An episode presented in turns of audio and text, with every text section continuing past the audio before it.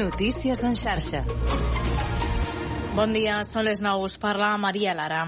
El sector turístic català arriba a les portes de l'agost amb l'esperança de millorar el juliol més fruits de reserves que l'any passat i espera ocupacions del 90% a la costa, tot i l'actual context marcat per l'augment de preus.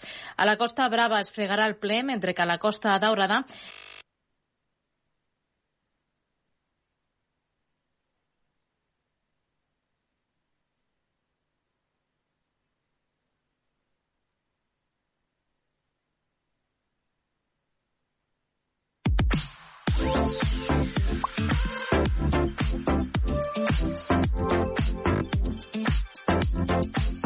Thank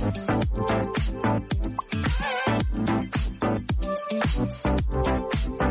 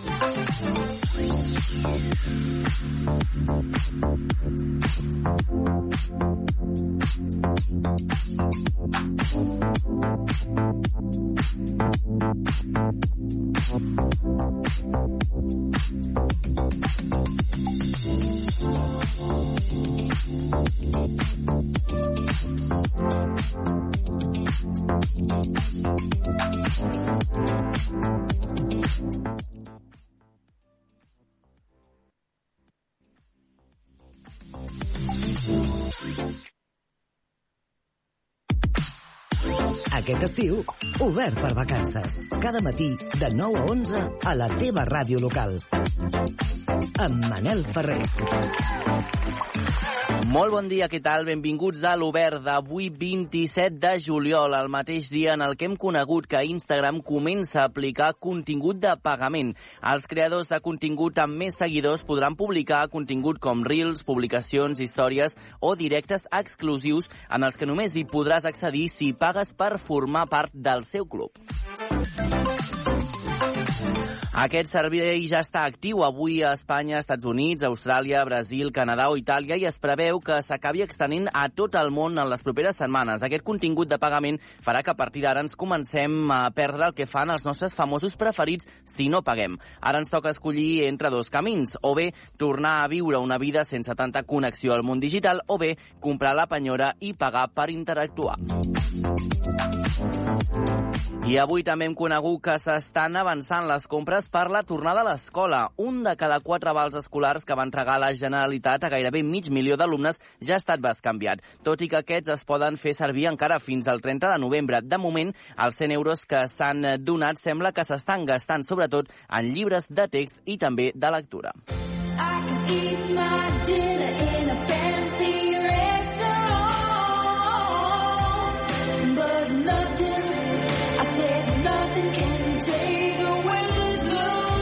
I ahir tarda coneixíem que ens havia deixat la cantant irlandesa Sinead O'Connor, als 56 anys, coneguda mundialment per la cançó Nothing Compares to You, un uh, oficial poc conegut de Prince i que ella va versionar l'any 1990, sent reconeguda com single d'aquell any per la revista Billboard. D'aquell tema es van vendre, per cert, més de 7 milions de còpies. O'Connor va ser coneguda per la seva actitud contestatària i políticament compromesa que se solia associar a la imatge imatge radical que oferia amb el cap sempre rapat. Nothing can i en el programa d'avui farem turisme cultural pel MAC d'Empúries. Entrevistarem a la Magda Vila, biòloga marina del projecte Polar Change i anirem fins al Club Natació de Badalona per conèixer els casals nàutics que s'hi fan. Per cert, seguim recollint notes de veu de la teva cançó de l'estiu al 628 841 055, 628 841 055 i en joc 60 euros a la teva targeta Moneder Bon Preu. Entre tots els participants, demà en farem jugarem al sorteig. Obert per vacances amb Manel Ferrer.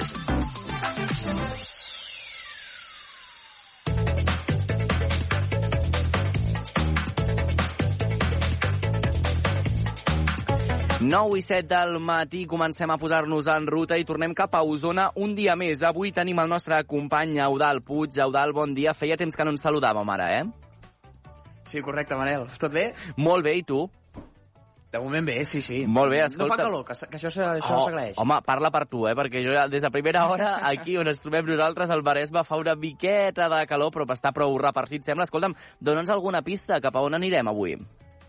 Mira, doncs avui anirem a descobrir una miqueta el passat industrial de Vic, si es pot dir d'alguna manera. Això sí, no ens mourem d'un lloc, eh? estarem en un lloc, però ho descobrirem tot plegat. Avui mm. anirem a veure una de les feines que va ser un gran motor econòmic de la ciutat des de fa temps. Què és exactament? Doncs mira, et donaré una pista i és que el seu material bàsic era la pell. A veure, el seu material bàsic era la pell. Aquesta és la pista que tenim també des de casa. Podeu començar a donar-li voltes eh, al cap a veure què vol dir aquesta pista. Doncs escolta'm, no ens pots deixar així. Igualment eh, intentarem a eh, Eudal aguantar eh, fins la segona hora del programa per saber què s'amaga darrere d'aquesta pista. Et sembla? I tant, perfecte. Doncs vinga, fins aquí una estona. Salut, adeu.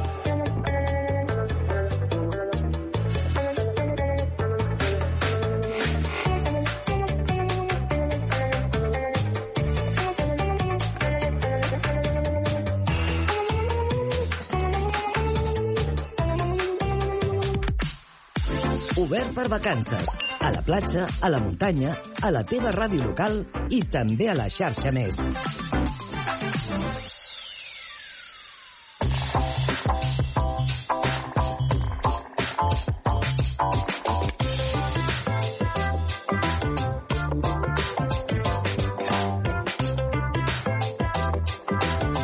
Va, som que tenim molta feina avui perquè davant del mar Mediterrani, en un paratge natural d'excepcional bellesa, descansen les ruïnes d'Empúries, el jaciment greco-romà més important de tota Catalunya. Empúries és l'únic jaciment arqueològic de la península ibèrica on conviuen les restes d'una ciutat grega, l'enclavament colonial d'Emporion, amb les restes d'una ciutat romana, l'antiga Empòria creada a inicis del segle I abans de Cris sobre les estructures d'un campament militar militar romà instal·lat davant i durant el segle anterior. Avui nosaltres, a l'Obert, volem fer turisme cultural i patrimonial i per això ens desplacem fins al Museu d'Arqueologia de Catalunya a Empúries i nosaltres, perquè ens acompanyin també en aquesta visita, volem saludar a la Marta Santos. Ella és coordinadora del MAC Empúries. Bon dia, Marta, i benvinguda a l'Obert per Vacances. Bon dia, bon dia, gràcies.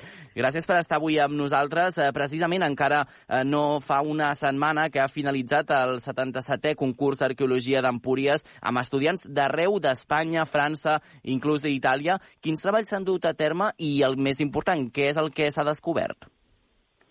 Bé, sí, de tot just fa uns pocs dies mm. que s'ha acabat el, eh, aquesta nova edició del curs d'Empúries, amb estudiants de diverses universitats espanyoles i també d'Itàlia eh, i de França, i bé, amb uns resultats molt positius. Els treballs de pràctica arqueològica, com sol ser habitual, s'emmarquen en el projecte de recerca que estem fent des del museu eh, actualment a la zona portuària de la ciutat grega Sí, i hem anat avançant en, en els diferents sectors en els que estem excavant. Uh -huh. Doncs uh, interessantíssim i per tant també per donar a conèixer aquest patrimoni vosaltres també organitzeu diverses uh, activitats que esteu portant a terme durant l'estiu perquè entenc que també uh, doncs és un atractiu prou turístic, no? que esteu oferint també a la gent que us visita. Sí, en aquests moments estem enmig de, de tota la programació d'estiu, d'activitats per als visitants, amb, amb diferents tipus d'activitats diàries, uh -huh. la visita guiada, eh, les visites teatralitzades, que ja estan funcionant a tota marxa, i després alguns, alguns jornades, algunes jornades d'activitats especials, com la que tenim aquest cap de setmana per, per, per públic familiar i infantil, que és familiària. Uh -huh. Doncs uh, aquestes activitats que es poden uh, gaudir durant tots aquests uh, temps, home, hi ha moltíssimes uh, ofertes, uh, estem gairebé al principi de l'estiu, de, de moment, uh, com està funcionant també? Us està visitant prou gent? Uh, falta encara que vingui més gent? Com està anant aquest estiu?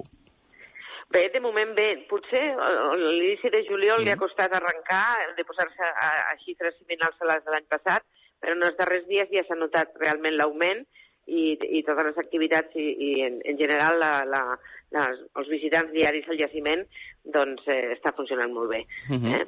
Sembla, de fet, Marta, quan parlem del patrimoni, sembla que ens estem referint a coses eh, importants però que només importen a, al públic adult i en el vostre cas el que intenteu també és apropar ja des de ben petits als més menuts de, de la casa també aquest coneixement del patrimoni i concretament aquest dissabte eh, tenim eh, aquest, eh, una activitat familiar. Explica'ns en què consistirà, què fareu el dissabte? Bé, és tota una jornada d'activitats diverses destinades a, a aquest públic, en el públic familiar, eh, amb els pares, amb nens que venen i participen en les, en les diferents activitats que programen vinculades en alguna manera al, al, al passat clàssic d'Empúries. Uh -huh. eh? Activitats de, de, de molts tipus, de, de tallers, eh, les visites, el taller d'arqueologia, i acabant també amb un, amb una petit espectacle musical. Mm -hmm. Home, Marta, si d'aquí aconseguíssim que sortissin nous arqueòlegs i arqueòlogues, eh, seria genial, no? Sí, és una manera de fer apropar una mica el jaciment en, en aquest públic infantil, sobretot nens eh, fins a 10-12 anys, que, que en altres circumstàncies la visita se les pot fer avorrida i en aquesta manera eh, poden eh, vincular mm. la seva experiència en Empúries amb una, amb una experiència positiva, no? amb aquesta participació Clar. en aquest taller. Mm -hmm. sí. uh, Marta, no sé si tu també eh, vius a la zona d'Empúries de, o només hi, hi treballes? Eh, bueno, treballo i de tant en tant passo temporades també. Molt bé, no, no, la, la pregunta anava adreçada que no sé si la gent eh, del territori n'és coneixedora suficient doncs, de, de, del gran patrimoni que teniu a, a la zona, perquè a vegades ja passa, no?, que vius molt a prop doncs, d'una cosa patrimonial molt important i, i, i potser no hi has anat mai o no ho coneixes. No sé si també passa això. Bueno, nosaltres organitzem cada any moltes activitats també conjuntament amb, amb el municipi, mm. amb l'Ajuntament de l'Escala, amb el qual tenim un conveni de col·laboració i fem molts, molts, moltes activitats conjuntes en les quals participa molta gent del, de la zona, del mm. territori. Evidentment, Empúries és un jaciment que rep visitants de tot arreu. Ara a l'estiu hi ha un percentatge important de, de, de visitants estrangers que estan passant les seves vacances, però al llarg de l'any no només a l'estiu, s'organitzen moltes activitats més adreçades al, al, al públic local. Uh -huh. uh, Marta, la nostra companya de l'escala, la Cristina Cantal, ens ha arxivat, eh, que tu ja portes un bon recorregut al capdavant del Mac Empúries. Uh, què és el que més sorprèn a les visites quan venen, el que més agrada o el que més els deixa al·lucinats? Bé, el, en conjunt, totes les circumstàncies que el fan singular, no? El jaciment d'Empúries, eh, aquesta convivència d'unes restes gregues, d'unes restes romanes, l'extensió del jaciment, l'estat de conservació i, i, evidentment, el marc mm, paisatgístic en el, en el qual s'enmarca, no? Uh -huh. eh, evidentment, eh, al costat del mar les vistes són, són excepcionals, a part del, del, del recorregut eh, en, en aquest passat antic d'Empúries, és també un, un passeig agradable per, un, per, un, per una zona diguem, enjardinada i amb unes vistes excepcionals. Uh -huh. doncs, I, I a banda, digues, digues. a banda tenim molts, molts recursos, molts recursos a l'abast dels visitants perquè puguin eh, entendre o adquirir coneixement sobre quin va ser el passat d'Empúries, no? l'audiovisual, l'audioguia, uh -huh. tots aquests recursos a l'abast dels visitants també són molt, molt apreciats. Doncs eh, importantíssim. Eh, encara queda, Marta, molt per excavar i per descobrir a les ruïnes d'Empúries, és a dir, encara ens podem acabar sorprenent molt més? I tant, i tant. El, el jaciment és molt gran. La ciutat grega sí que està descoberta, diguem, en superfície en gairebé tota la seva extensió, però falta molt, molt per excavar, diguem, en, en els estrats més profuns, en els nivells mm. més profuns, però la ciutat romana, per exemple, només està excavada en un 25, en un 20-25%. Queda molt per descobrir i, i molts aspectes en els quals és necessari continuar investigant i continuar avançant en el coneixement. Mm -hmm. Doncs això és importantíssim. De fet, ara parlàvem de tot aquest territori i recordava una entrevista que vam fer fa uns dies al responsable del festival Portal Blau, que justament eh, doncs, eh, tenen també com a emplaçament aquestes ruïnes d'Empúries, no? Sí, sí, sí. Ara d'aquí un parell de setmanes ja comencen les activitats previstes en la programació del Portal Blau mm que tindran lloc a, a Empúries. No? Hi ha una activitat de dansa i dos concerts um, amb més aforament que es faran en el fòrum de la ciutat romana. Home, doncs això és eh, brutal també doncs, que justament aquesta vinculació no? també amb tot el món de, de la cultura i del eh, patrimoni. Um, també importantíssim avui preguntar-te per totes aquelles persones que ens estiguin escoltant i es decideixin a venir a visitar i a conèixer el Mac Empúries, com ho han de fer? No sé si s'ha de comprar una entrada prèviament, si s'ha de reservar plaça, com funciona el tema de l'aforament? No, no fa falta reservar plaça perquè tenim un aforament molt gran, el mm -hmm. és, és molt ampli. Es pot adquirir l'entrada prèviament eh, online, però tampoc hi ha problema per, per adquirir-la en, el, en el nostre centre de recepció. Molt bé, doncs... El, el que sí, el que, sí que cal reservar són les visites, les activitats. Val. Mm -hmm. eh? Si volen participar en la visita teatralitzada, això sí que cal trucar abans i fer, i fer la reserva. Fer una reserva prèvia. De fet, ara estem a, a l'estiu, hi ha molta gent que està de, de vacances i un cop tornin les escoles a la tardor, també entenc que deveu tenir molt públic escolar, no?, quan comencen i tornen els nens i nenes a, a les escoles. Evidentment, sí. El, el públic nostre té dos perfils mm. clarament diferenciats, el d'estiu de, el i vacances i Setmana Santa, que és, que és un públic familiar i turístic, i en canvi durant l'hivern el que tenim és molts grups escolars. Aproximadament rebem entorn de 30.000 escolars eh, anualment. Mm -hmm. Doncs déu nhi eh? Aquestes escoles eh, que us visiten i també suposo que van repetint, no, Marta, any rere any als, als centres? Sí, la visita a Empúries és quasi gairebé una visita obligada, perquè les podem oferir una mica aquesta aproximació a la cultura grega i la cultura romana en un, en un mateix lloc i tenim tot un seguit d'activitats eh, adreçades al públic escolar que es porten a terme durant tot l'any. Uh mhm. -huh. Doncs això és eh, interessantíssim, justament doncs, com els més petits a la casa explicàvem abans, doncs eh, us visitin i, i, i, i participin també i, per què no, doncs potser descobreixin noves eh, professions eh, associades. Eh, de fet, durant l'època del Covid ho estava pensant, segurament teníeu molt públic local i de la zona. No sé si ja heu tornat a recuperar també doncs, eh, les visites internacionals, podríem dir, de públic estranger. Sí, l'any passat, de fet, l'estiu ja va, ser, va suposar una, una recuperació del perfil habitual en quant a, a públic eh, turístic i aquest any és la confirmació d'aquesta recuperació. Uh -huh. Evidentment, durant els anys de, del Covid, al principi sí que van desaparèixer. Van desaparèixer les visites Clar. escolars i van desaparèixer el, el, el públic estranger perquè per les dificultats i, i les restriccions però l'any passat ja, ja, ja es va tornar a situar en els paràmetres normals uh -huh. i aquest any jo penso que ja se, bueno, es, es, queda confirmat. Doncs eh, que bé, veurem també, perquè haurem de veure també quan es faci el balanç eh, de, de tot l'estiu per veure també com ha funcionat tot plegat, però el que és eh, cert, eh, Marta, és que no us avorriu, eh, perquè teniu moltíssimes activitats pensades per tothom no? i que d'alguna manera doncs, dinamitzen també eh, l'espai i això és eh, meravellós. Per tant, doncs, eh, convidem una vegada més a tothom eh, doncs, a passar-se no? per aquestes ruïnes i, poder gaudir també d'aquest espai. Si no el coneixen, doncs una bona oportunitat per fer-ho. Evidentment, estem, tot, tota la nostra activitat ara està adreçada a, a potenciar aquestes activitats en aquesta temporada de més afluència de visitants. Mm -hmm. sí, sí. Doncs, eh, Marta Santos, moltes gràcies per haver passat per al nostre programa, per l'Obert per Vacances, i també doncs, per alguna manera, d'alguna manera, ser els nostres ulls eh, també doncs, d'aquest espai que avui també hem conegut en el nostre programa. Eh, no sé si farà vacances durant eh, aquestes setmanes o li toca treballar. Eh, bueno, intentaré fer un parell, de, un parell de setmanes de vacances. Molt bé. Ara, passat, passat, passat els concerts, a veure si podem eh, trobar unes setmanes de tranquil·litat. Molt bé, doncs... Si no, costa, costa després posar-se en marxa. és veritat, és veritat. Uh, Marta Santos, coordinadora del MAC Empúries, moltes gràcies per acompanyar-nos en el nostre programa. Que passis un molt bon estiu. Igualment, moltes gràcies a vosaltres. Adéu, fins la propera. Estiu.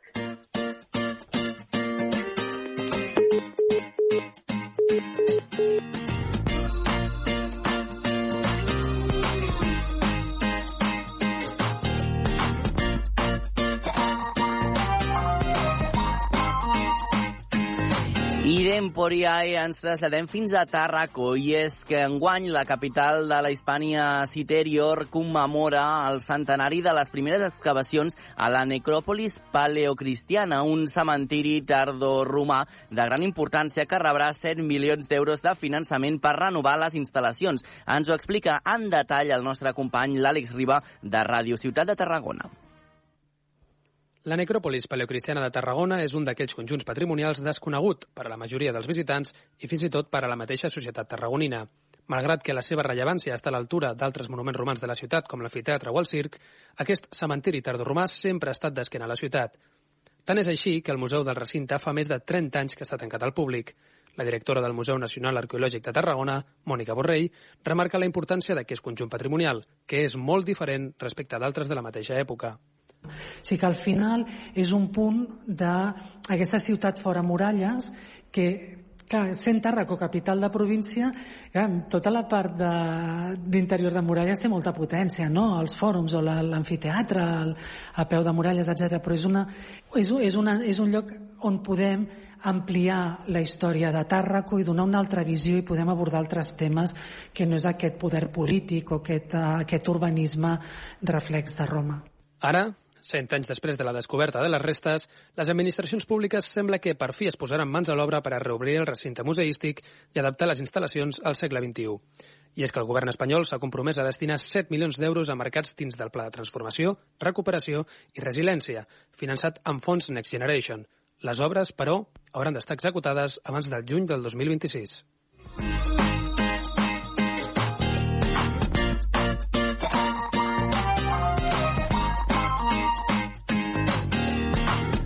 Seguim endavant mentre ens apropem a dos quarts de deu del matí. És el moment de conèixer noves lectures, lectures d'estiu. La llibretera de Rals Llibres ens porta llibres pels més petits, Barbena i Colibrí, d'Anna Sender i Fran Pintadera i els misteris de la cuina dels Komagawa, de Isaki.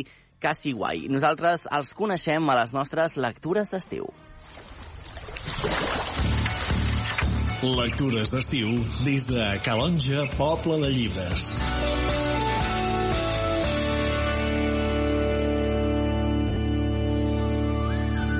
Al desembre de l'any 2021 naixia la primera Booktown de Catalunya, Calonja, Poble de Llibres. Rals Llibres, amb la Meritxell Ral al capdavant, és una llibreria generalista i il·lustrada, enfocada a la cerca dels llibres de fons on hi podrem trobar narrativa, àlbums il·lustrats i llibres d'assaig divulgatiu. El racó més especial de Rals Llibres és la secció dels relets. La Meritxell ens proposa lectures per als més petits, per als més grans i per als amants de la cuina. Ens hi posem lectures d'estiu.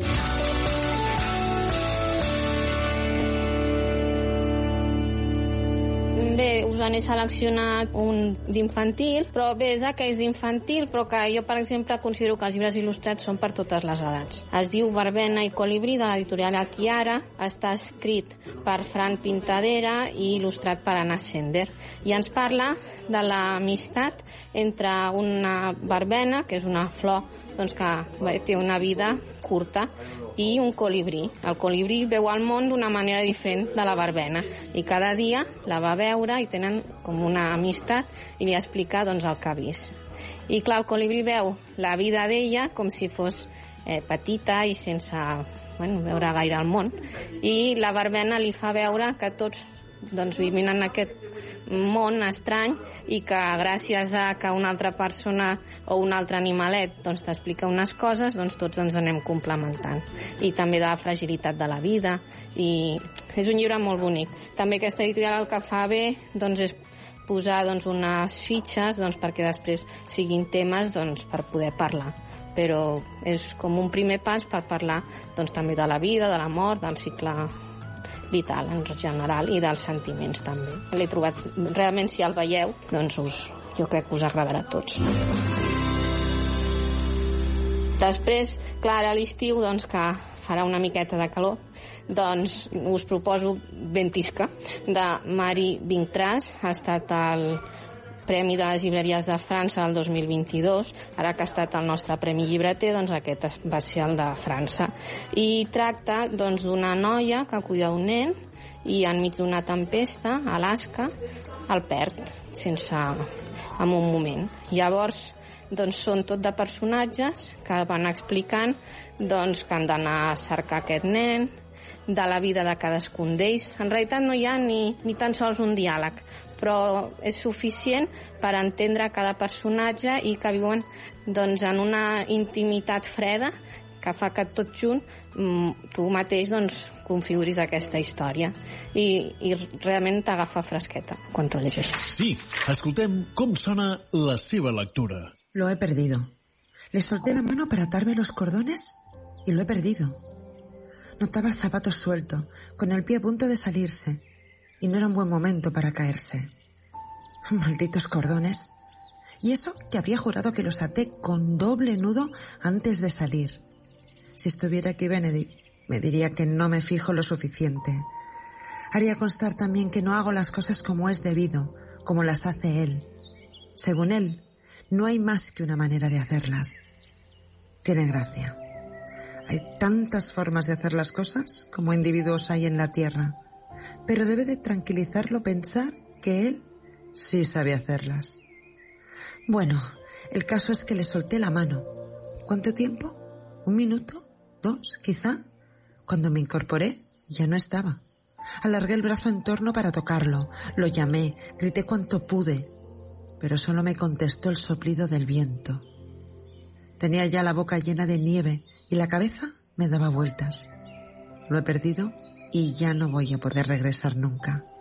Él no lo entendería. No dispone de todas las bazas para saber lo que está en juego. Si me hubiera hecho las preguntas oportunas, si yo hubiera dado las respuestas verdaderas, nunca lo habría dejado a mi cargo.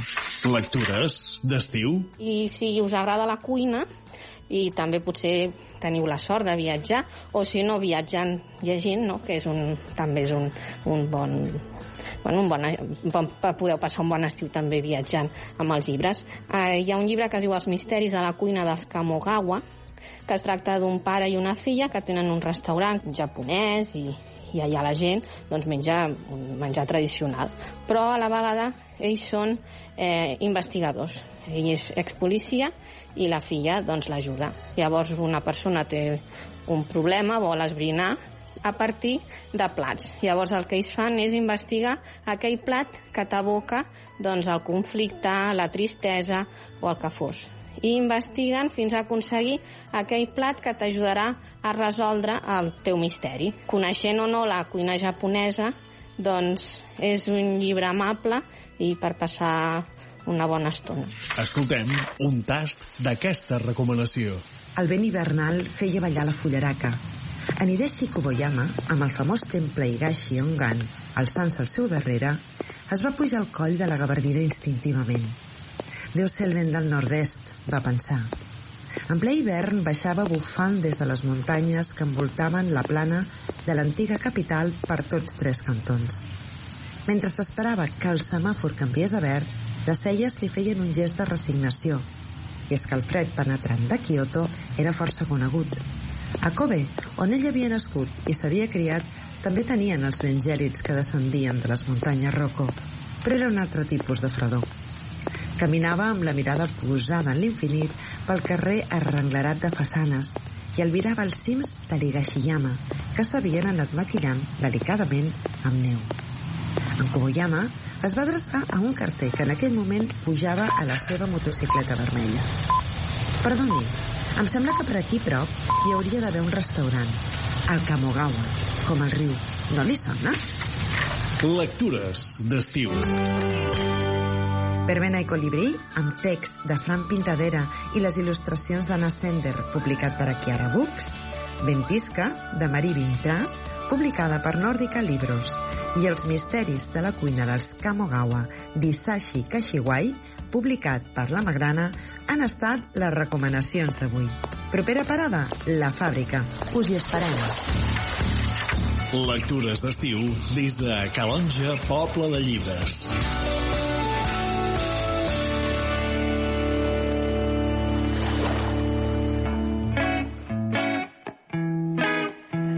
Dos quarts de deu. Recordeu que aquestes lectures d'estius que ens arriben puntuals cada setmana, els dimarts i els dijous, els podeu recuperar tots a la nostra plataforma preferida, a la xarxa Més.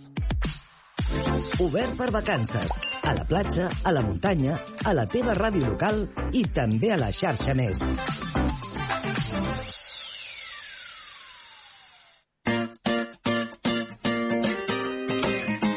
Als anys 70 es va fer la primera volta al món a vela per etapes, la Whitbread Road de, Re de World Race. Ara, 50 anys després, es vol recuperar l'esperit d'aquella regata i commemorar-la. Així és com sorgeix la Ocean Glove Race, una regata que farà exactament el mateix recorregut que la que es va fer, atenció, fa 50 anys. I no només això, sinó que les embarcacions també han de ser de l'època, així com la manera de navegar. Avui està amb nosaltres la Ingrid Banús, una de les tripulants del White Shadow, un veler que participarà aquest setembre a l'Ocean Globe Race i ens acompanya també la nostra companya, la Susana Cabiscol. Com estàs? Bon dia.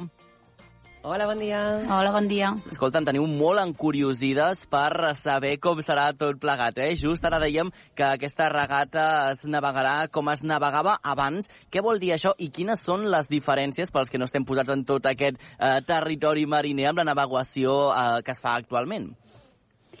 Doncs la diferència principal és el tema de les tecnologies. Mm. Eh, nosaltres el GPS el portarem per seguretat, però és navegació astronòmica i això vol dir que anem amb el sextant i ens hem d'orientar en funció de la posició del Sol, de les estrelles Carai. i navegació m'estima. Quin repte, eh? Perquè jo amb el GPS amb el cotxe per Barcelona ja em perdo, imagina't ja directament intentant-me guiar amb l'astrologia, eh? Però bé, bé, m'agrada, m'agrada.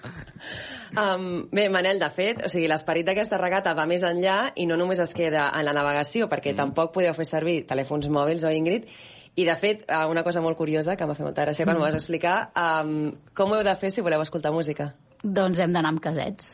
Estem recopilant casets d'antanyo i gravant casets amb música nova, tot el que podem, perquè és això, no podem tenir absolutament cap tipus de tecnologia. Saps, Ingrid, que potser escolteu Aitana amb radiocaset, o sigui, això jo crec que és un somni fet realitat gairebé, eh? Seria una opció, seria una opció.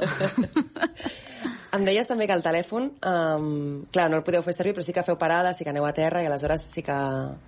Sí, el telèfon i totes les coses tecnològiques que portem estarà tancat dintre d'una bossa de seguretat que estarà sellada perquè si per seguretat o necessitat ho necessitem ho podem obrir, però llavors tens una penalització. En principi, quan arribes a terra han d'obrir la bossa i si està tota tancada, doncs tot correcte.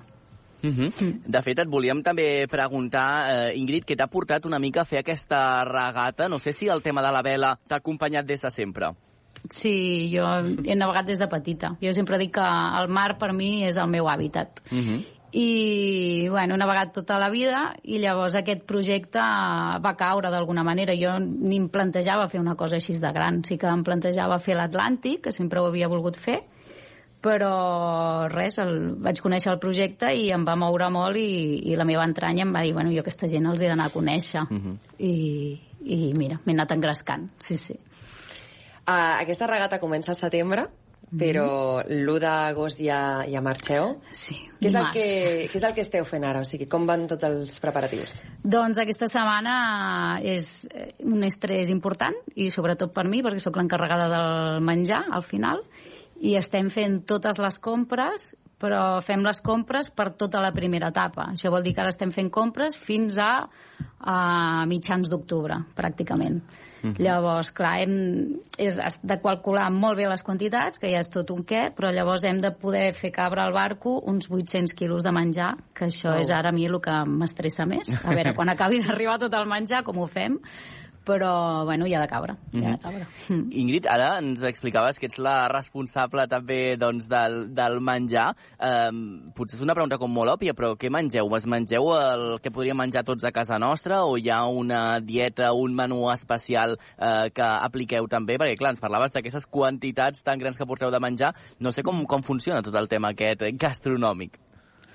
Hi ha una part que és menjar fresc pels Mhm. primers dies, perquè tenim nevera i congelador dintre del barco. Llavors hi ha una part que és de verdura deshidratada i també hi haurà una mica de menjar liofilitzat, que és el que jo n'hi dic que és d'astronauta. Llavors, bueno, vas fent combinacions entre les dues coses, però, però la dieta, bueno, doncs és una dieta estàndard, no hi ha... Mhm. És consistent, perquè només estant al barco ja gastes molt, Clar. però no és especial. Mm. Podreu pescar? Pescarem, i espero, espero que piquin. Quina experiència, eh? Dèiem que al començament és una regata per etapes, que aneu fent parades, i també s'hi va afegint i marxant tripulació. Com funcionen aquests eh, relleus, on comenceu, i després quants mesos esteu navegant? En total, la regata per fer la volta són 8 mesos, més o menys. Mhm. Llavors, comencem el 10 de setembre de Southampton i anem fins a Ciutat del Cap, a Sud-àfrica, i llavors de Sud-àfrica anem fins a Auckland, a Nova Zelanda, d'Auckland anem fins a Punta del Este, que és Uruguai, i llavors l'última etapa tornem a Southampton. I som, al barco som 12 persones i som 8 que fem tota la volta i els altres 4 van canviant a cada etapa. Mm. Després, en aquestes, o sigui, quan feu parades, sí que teniu, depèn de, de lo aviat o lo tard que arribeu, no? Teniu com unes dues setmanes de... Es, espero que siguin unes dues setmanes, sí, sí, sí. marge. Ostres, Um, um... com a experiència, ho estava pensant ara, um, és brutal. També suposo, no sé com porteu el fet de, potser esteu molt acostumats, eh, però el fet d'estar uh, estar tantes setmanes lluny de, de la família, dels amics, del vostre entorn més proper. Hmm. Bueno, això serà tot un què. Jo crec que això és algo que, que fins que no estiguem allà no ho sentirem de veritat. No? A mesura que s'acosta la data, sí que es va fent gran no? i vas veient l'abisme, però realment jo ara, amb l'estrès que porto, tampoc no acabo de ser molt conscient del que implica tot això, però, però sí, es trobarà... Jo crec que la gent és el que es trobarà més a faltar. Mm. Uh, Ingrid, com, com és el dia a dia en una travessa d'aquestes característiques? En el fons és molt rutinària. Eh, sembla mentida perquè cada dia passen 10.000 coses diferents, però bueno, com que fem un sistema de guàrdia, som 12 persones, som dos guàrdies diferents, llavors és molt rutinari perquè tu durant el dia tens 6 hores de navegar, llavors descanses 6 hores i a la nit és el mateix amb 4 i 4.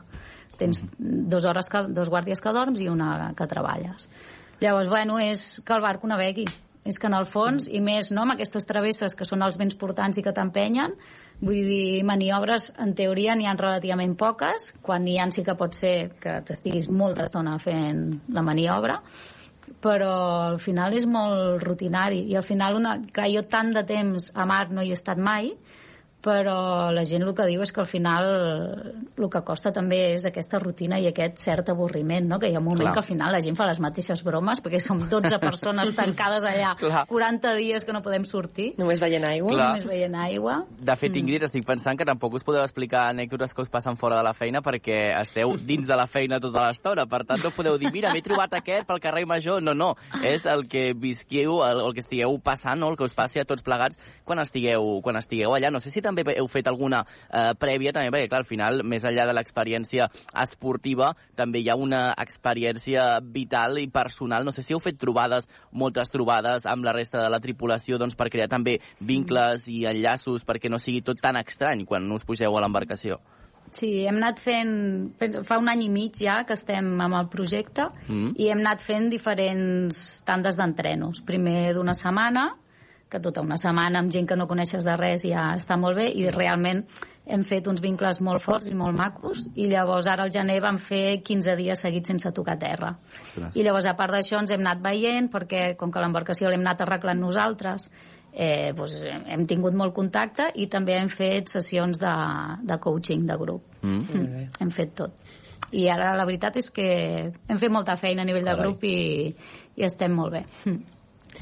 Ingrid, com et prepares una, una maleta per marxar a fer la volta al món? Just estava pensant això mateix, Susana, perquè jo me'n vaig dos dies a, a, a Mallorca i, i bé, haig d'emportar-me 45 maletes. Imagina't aquí que has d'optimitzar l'espai i el temps i els recursos. Totalment, me l'he de fer encara. Mm. L'altre dia arribava al barco i dic, com pot ser que ja tingueu la maleta feta? I jo, encara me l'he de fer, tu. Doncs, bueno, el que sí ja tinc molt clar és, i ja vaig revisar la setmana passada, tot el que m'endeuré ho tinc controlat. Mm. Mm Però, bueno, eh, clar, has de pensar en que hi haurà una etapa que estaràs morta de fred perquè et vindrà el fred del pingüino, des dels guants d'esquiar a ulleres de ventisca, per quan hi hagin onades d'aquestes potents, fins a la calor que podem passar aquí a l'Equador quan no hi hagi res de vent. Llavors, Clar. bueno, sí que no, al principi vam fer com una llista de material i hi ha material limitat, evidentment. Mhm. eh, L'altra pregunta no és el tema de la higiene. La higiene, bueno, és molt relativa amb un barco, com moltes altres coses. Mm. Clar. Home, jo crec que després, quan tingueu l'oportunitat de dutxar-vos amb unes condicions no, eh, òptimes, jo crec que serà com un dels millors regals, un dels millors plaers, no? O com el fet de tornar a menjar un plat que et ve molt de gust, no? I que no pots Mm. preparar-te, lògicament, dins de l'embarcació. Sí, són les dues coses i a més amb aquest ordre, eh? és Mm. primer la dutxa i després menjo, però la dutxa és una cosa espectacular. Totalment. Per, sí, Ingrid, sí, porteu molt eh, o preparat eh, per mm, el recorregut que fareu, per on passareu? Hi ha algun tram que es preveu especialment complicat o que ja podeu veure abans de marxar, que serà potser on haureu d'estar més, més atents i més preparats perquè pot eh, patir complicacions? Bueno, la segona etapa. Mm. La, la gent sempre pensa molt en la tercera etapa perquè és el Pacífic i creues el magnífic Cabo de Hornos, que ha de ser espectacular Sí. creuar-lo, però l'Índic jo crec que al final és l'etapa més dura perquè allà tens molta barreja de mars, de corrents, tens vents molt potents, llavors aquella, aquella hem d'anar molt al tanto. En compte. Sí. Que bé. Home, jo crec que és una experiència, ara ho estava eh, pensant, no sé, Susana, tu faries, viuries una experiència com aquesta que ens està explicant avui l'Ingrid? Bueno, jo, de fet, al novembre me'n vaig a viure una experiència similar. Què dius? Sí. No ho sabíem, Sí, no ho sí, sabíem. sí. I on Sí, vas? Ens pots bé. explicar una mica la, la teva experiència, que també és, eh, segur que és interessantíssim. Sí, si tot va bé, jo creuaré l'Atlàntic. Home! Um, aleshores, sí, sortiré des de Gran Canària fins a Santa Lucía, que és una, una illa del, del Carib. Mm -hmm. Home, doncs no ho sabíem, això, al- al- a l'Obert per a vacances. Home, ens agrada molt també que tindrem aquí, viurem l'experiència des de dins en, en primera persona eh, i al final doncs, és una experiència segur única de, de tot plegat que, que podreu viure i de conèixer també aquest eh, territori, perquè al final també eh, a dia d'avui doncs, eh, entenc això sí, eh, Mira, ara estava també pensant, Ingrid, és que em venen com moltes coses al cap que segur que vosaltres ja us han passat, però a mi m'estan venint avui mentre parlo amb vosaltres. Clar, el tema, per exemple, dels mòbils, del fet de tenir connexió a, a internet, eh, d'estar connectats a la corrent, o això és una cosa mm, alternativa i secundària per vosaltres que no us preocupa especialment? Aviam, jo en el meu cas he de dir que vaig amb un catamarà que és Mhm. bastant gran i Val. que el porta una família que viu allà. D'acord. És a dir, que el catamarà està molt preparat. Mm. Um, o sigui, tenen generador, tenen, o sigui, tenen de tot. Tenen rentavaixelles, tenen rentadora, tenen barbacoa, o sigui... Carai. Mm, jo pensava que estaria molt desconnectada i realment tindré internet Exacte, pràcticament sí, sí. tots els dies, o sigui que no... Jo no. Mm. Tu, Home. Ingrid, sí que... Sí, sí, nosaltres estarem desconnectats del tot. Absolutament del tot. Sí que tenim aerogenerador, tenim potabilitzadora, Mm. eh, sí que hi ha, no?, per carregar, per exemple, els frontals i coses així que necessitis, però nosaltres estem, estarem encantats d'estar desconnectats, de fet. Que bé. De fet, eh, Ingrid, eh, no sé si t'emportes algun eh, llibre, alguna lectura, algun passatemps per les hores en les que podràs estar descansant. Eh, he de triar, mm. però tinc una bona pila que m'ha anat allà administrant més germana mm. i he de fer la tria de quins m'emporto. I llavors també tenim llibres, tenim uns escacs imentats, perquè clar, el barco molt pla no anirà. Sí. Eh, estem buscant un parxís també imentat, però sí, sí, ens emportem cosetes per distreure. De fet, Ingrid, jo escombrant cap a casa, si et falten encara lectures de llibres que pots eh, llegir, recomano que entris a la nostra plataforma, a la xarxa més, que ja tenim lectures d'estiu, amb un piló de títols que, si t'interessen, doncs eh, pots prendre també nota i, escolta'm, per què no, descobrir també nous autors eh, doncs, en aquesta experiència que avui ens has eh, explicat. Gràcies, Ingrid Benús, per passar per l'Obert per vacances i et deixem ja gairebé perquè puguis anar a començar a fer la, la maleta, perquè això al final, si no, serà una part molt complicada abans de sortir de casa, eh? Moltes gràcies a vosaltres. Gràcies. I Susana, moltes gràcies i també molta sort. Parlarem abans de, de que marxis a la teva aventura, però aquesta no la sabíem, eh? Ens has eh, sorprès a tots. Moltíssimes gràcies a les dues. Que vagi gràcies, bé. Manel. Fins ara. Adéu, que vagi bé. Bon dia. Obert per vacances. Busca'ns a la teva ràdio local. Quarts de 10 del matí. Si en ple segle XXI encara hi ha molt de camí a recórrer en el terreny de la igualtat entre homes i dones, si fins i tot en els nostres dies el feminisme ha d'afrontar amenaces d'involució com la que representa l'extrema dreta, imagineu el que passava en el segle XIX. El que escoltarem tot seguit ens dona una idea bastant precisa. És la història de la primera dona que va aconseguir i que va exercir el títol de Medicina a Barcelona. És una nova història de Barcelona del nostre nostre company de la xarxa, en David Martínez.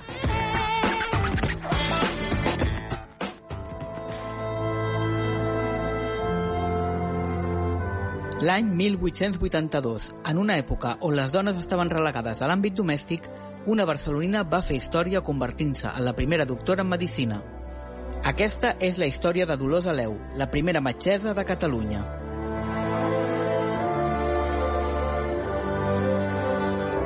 Memòries, vestigis i curiositats de la ciutat per David Martínez.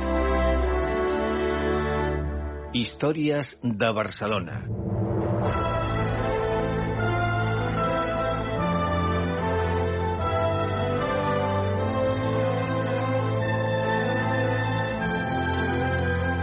Dolors Aleu i Riera va néixer al 1857 dins d'una família burgesa de Barcelona. L'any 1874, després d'acabar el batxillerat, va decidir estudiar Medicina, una elecció revolucionària en un temps on pràcticament cap dona havia accedit a la universitat.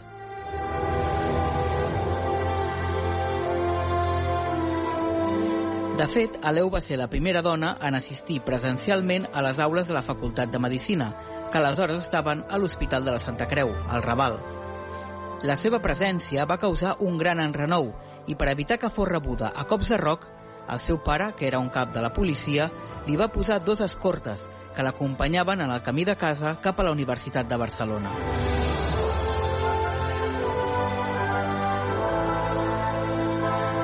Durant el seu pas per la Facultat de Medicina, Dolors Aleu va coincidir amb dues pioneres més, l'Helena Maceres i la Martina Castells. Totes tres van acabar la carrera, però només Dolors Aleu va arribar a exercir la medicina. L'Helena Maceres va ser la primera universitària catalana. Es va matricular al 1872, dos anys abans que Aleu, però inicialment a ella no li van permetre assistir a les classes, cursant els estudis al seu domicili. Farta de les dificultats burocràtiques, va acabar deixant la medicina per dedicar-se al magisteri. Per la seva banda, Martina Castells es va arribar a doctorar en Medicina, però va morir poc després a causa d'una complicació durant el seu embaràs.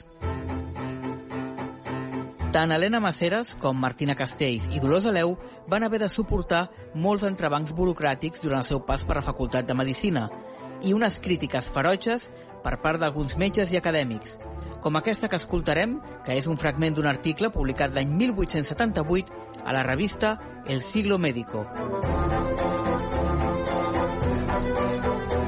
Desearía que las jóvenes muchachas o jamonas que piensan dedicarse a la medicina se hagan cargo de si su pudor les permite continuar con sus estudios y luego llevar a cabo su cometido con toda dignidad.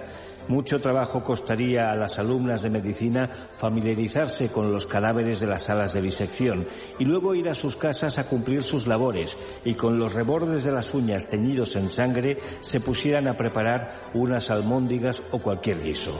Así pues, les aconsejo que no dejen sus múltiples labores, que no les faltarán camisas que planchar y calzoncillos que remendar. Y la que no se conforme con esto puede coger el estropajo e irse a fregar, porque la mujer nunca servirá para ejercer la medicina. L'any 1879, Dolors Aleu va completar la carrera amb un expedient acadèmic brillant, però en aquella època una cosa era acabar els estudis i una altra obtenir el títol, que requeria fer uns exàmens. El Ministeri d'Instrucció Pública va trigar fins a 3 anys en concedir-li l'autorització per realitzar les proves de llicenciatura. Finalment, el 20 d'abril de 1882 va aprovar l'últim examen de grau amb una qualificació d'excel·lent, Dolors Aleu es convertia en la primera dona llicenciada en Medicina a Catalunya i a l'Estat i una de les primeres d'Europa. Un cop llicenciada, Dolors Aleu es va traslladar a Madrid per cursar el doctorat, perquè en aquella època només es podien fer aquests estudis a la capital d'Espanya. Ho va fer malgrat l'oposició inicial del rector de la Universitat Central madrilenya, que no li volia permetre la matriculació. El 6 d'octubre de 1882, Aleu es va convertir en la primera dona doctora en Medicina de l'Estat. Alguns diaris de l'època se'n van fer ressò en to de burla, com aquesta notícia publicada al diari madrileny El Liberal. Ha recibido la investidura de doctor en la Facultad de Medicina la señorita doña Dolores Aleu y Riera. Felicitamos por adelantado a los enfermos que fían la curación de sus dolencias al nuevo doctor con faldas. Aleu es va doctorar amb una tesi on criticava la discriminació històrica que havia patit la dona i carregava durament contra una peça de roba que considerava la culpable de molts dels mals femenins. Estem parlant de la cotilla. Escoltem-ho amb paraules de la pròpia doctora Aleu. La peça que fa més mal a l'organització femenina és la cotilla. Es porta molt estreta per fer el cos més prim, com si prim fos equivalent a bonic. La cintura de vespa, les cintures ideals, són terriblement lletges la vanitat de tenir bones formes arrossega a deformar el cos, produint tota mena de lesions. Com ja hem dit, Aleu va ser la primera dona que va arribar a exercir com a metgessa. Es va especialitzar en ginecologia i pediatria. Va obrir una consulta a la Rambla de les Flors i una altra a la Rambla de Catalunya. A la seva consulta la visitaven dones de la burgesia, però també atenia a prostitutes al barri xino i a mares solteres. I quan acabava la feina a la consulta, anava a la Casa de la Caritat, on assistia voluntàriament als infants orfes.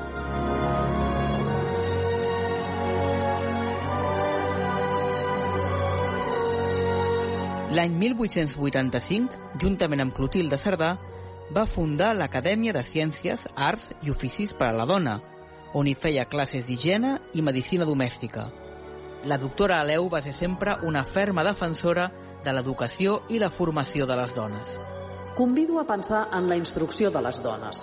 S'ha de procurar que les escoles per a senyoretes estiguin a nivell de les millors escoles per a senyorets. Avui s'instrueix a les nenes en col·legis en els quals no s'aprenen coses útils. I per què es fa que les nenes aprenguin coses? Perquè oblidin tot el que aprenen un cop es casen. Dolors Aleu no va deixar la seva consulta després de casar-se amb un corredor de borsa, Camil Cullàs, amb qui va tenir dos fills. El més gran va seguir les passes de la mare i va estudiar Medicina, però el 1905, quan treballava a l'Hospital Clínic, va contraure tuberculosi i va morir amb 21 anys.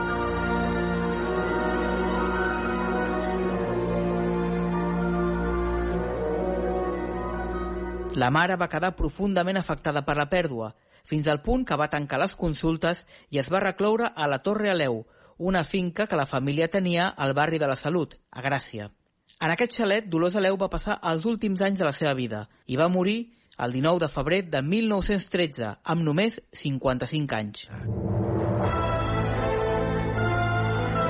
Després de la seva mort, el vidu va destruir tota la documentació de la seva esposa i la figura de Dolors Aleu va caure en l'oblit més absolut durant un segle. Afortunadament, en els darrers anys s'ha començat a recuperar la seva memòria.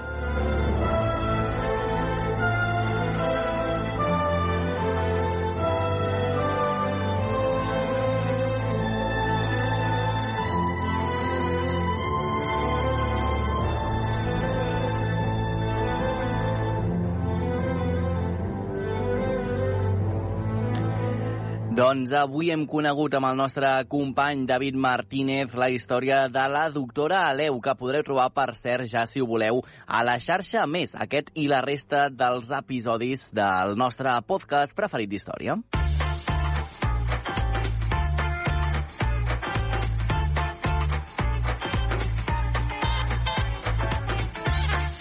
6 minutets per arribar al punt de les 10 del matí. És el moment de saludar la meva còmplice del concurs de l'estiu, Anna Gasol. Com estàs? Bon dia. Bon dia, Manel. Com esteu? Molt bé, i tu? Molt contenta, molt contenta perquè els nostres oients no deixen de fer-se sentir. Home, Escolta, vols escoltar? Sí, sí, hem de dir que la gent es pot fer sentir a través del 628 841 055 participant de la cançó de l'estiu. Hi ha gent, Anna, que mm -hmm. m'està dient, diu, ah, és que clar, avui ja és dijous, potser ja no arribo a temps a participar per demà. Oi tant que esteu a temps. Oi, Anna, que I poden tant. seguir participant fins al darrer moment. I tant, fins al darrer moment tots entren. Mm -hmm. I, I podran guanyar aquests 60 euros, eh? 60 euros que van directament a la vostra targeta moneder del bon preu Esclat. M'has dit, Anna, que ja tens Mhm. algunes veus preparades, eh? I tant, les vols escoltar? Vinga, Para som-hi. l'orella, Manel. Me llamo Rosa, soy de Mollerusa y la canción del verano, que la detenga, de David Cevera. Molt bona. Bon dia, sóc Juan Gabriel Subirats. Vos Què et sona, escolto aquest de la Manel? Plana Ràdio a la comarca del Montsià. Una de les meves cançons de l'estiu és de Pepet i Marieta, Grita Ge. Vinga, adeu, bon dia. Bon dia. Hola, bon dia, sóc el Marc del Prat de Llobregat i la meva cançó de l'estiu és Gelat, de Miqui Núñez, perquè és una cançó superguai que ens anima a anar a la platja, a fer aquestes coses típiques d'estiu, de sopar amb els amics, de, de sortir de viatge i tal, i sobretot aquests que encara no hem marxat de vacances, Fa molt doncs eh, Sí. ens dona unes ganes eh, de que arribi aquest dia en què acabem marxant i acabem podent sortir ja de la feina i estar uns dies descansant, que, que és molt guai, la veritat. Gràcies, que vagi bé. Gràcies a tu. Haig de dir, Anna, que el Marc Mhm. aquest eh, té veu de sexy. Això com a, com a idea inicial, ho diria. Té veu de, de sexy. Tot Va. molt fresquet, molt Oh, i d'estiu, tant, tot fa tot molt d'estiu. Sí, sí. I escolta, molt fan de la senyora que ha dit David Civera, que la detengan, un clàssic que no hem de deixar morir, eh? Que la detengan. Que és una mentirosa. és boníssima i la coreografia encara Ea. millor. Molt bé, Anna, a veure, què més hem, hem de dir? Doncs, escolta, aquests, eh, que, no ho sé ara, aquest, eh, hem repassat el telèfon, oi que sí? Exacte, l'hem dit. 628 841 Hem dit el 055, telèfon. que sisplau tothom truqui, enviï un àudio més ben dit, amb el nom, Mhm. i quina és la vostra cançó de l'estiu, perquè entrareu en aquest sorteig. Doncs I ara només queda escoltar la Miqui, cançó. El Miqui Núñez amb Gelat, clar que sí. Exacte. Nosaltres tornem d'aquí uns minutets amb més obert per vacances. Fins ara.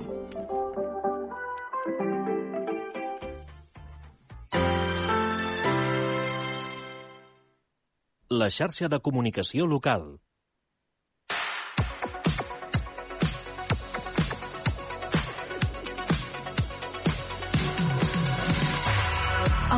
Overtime, tired of my nine to five. Tonight I lose myself in the lights. A quarter to midnight, got nothing on my mind. Just up so dynamite, dynamite. Ooh, I'll take you to my paradise. Ooh,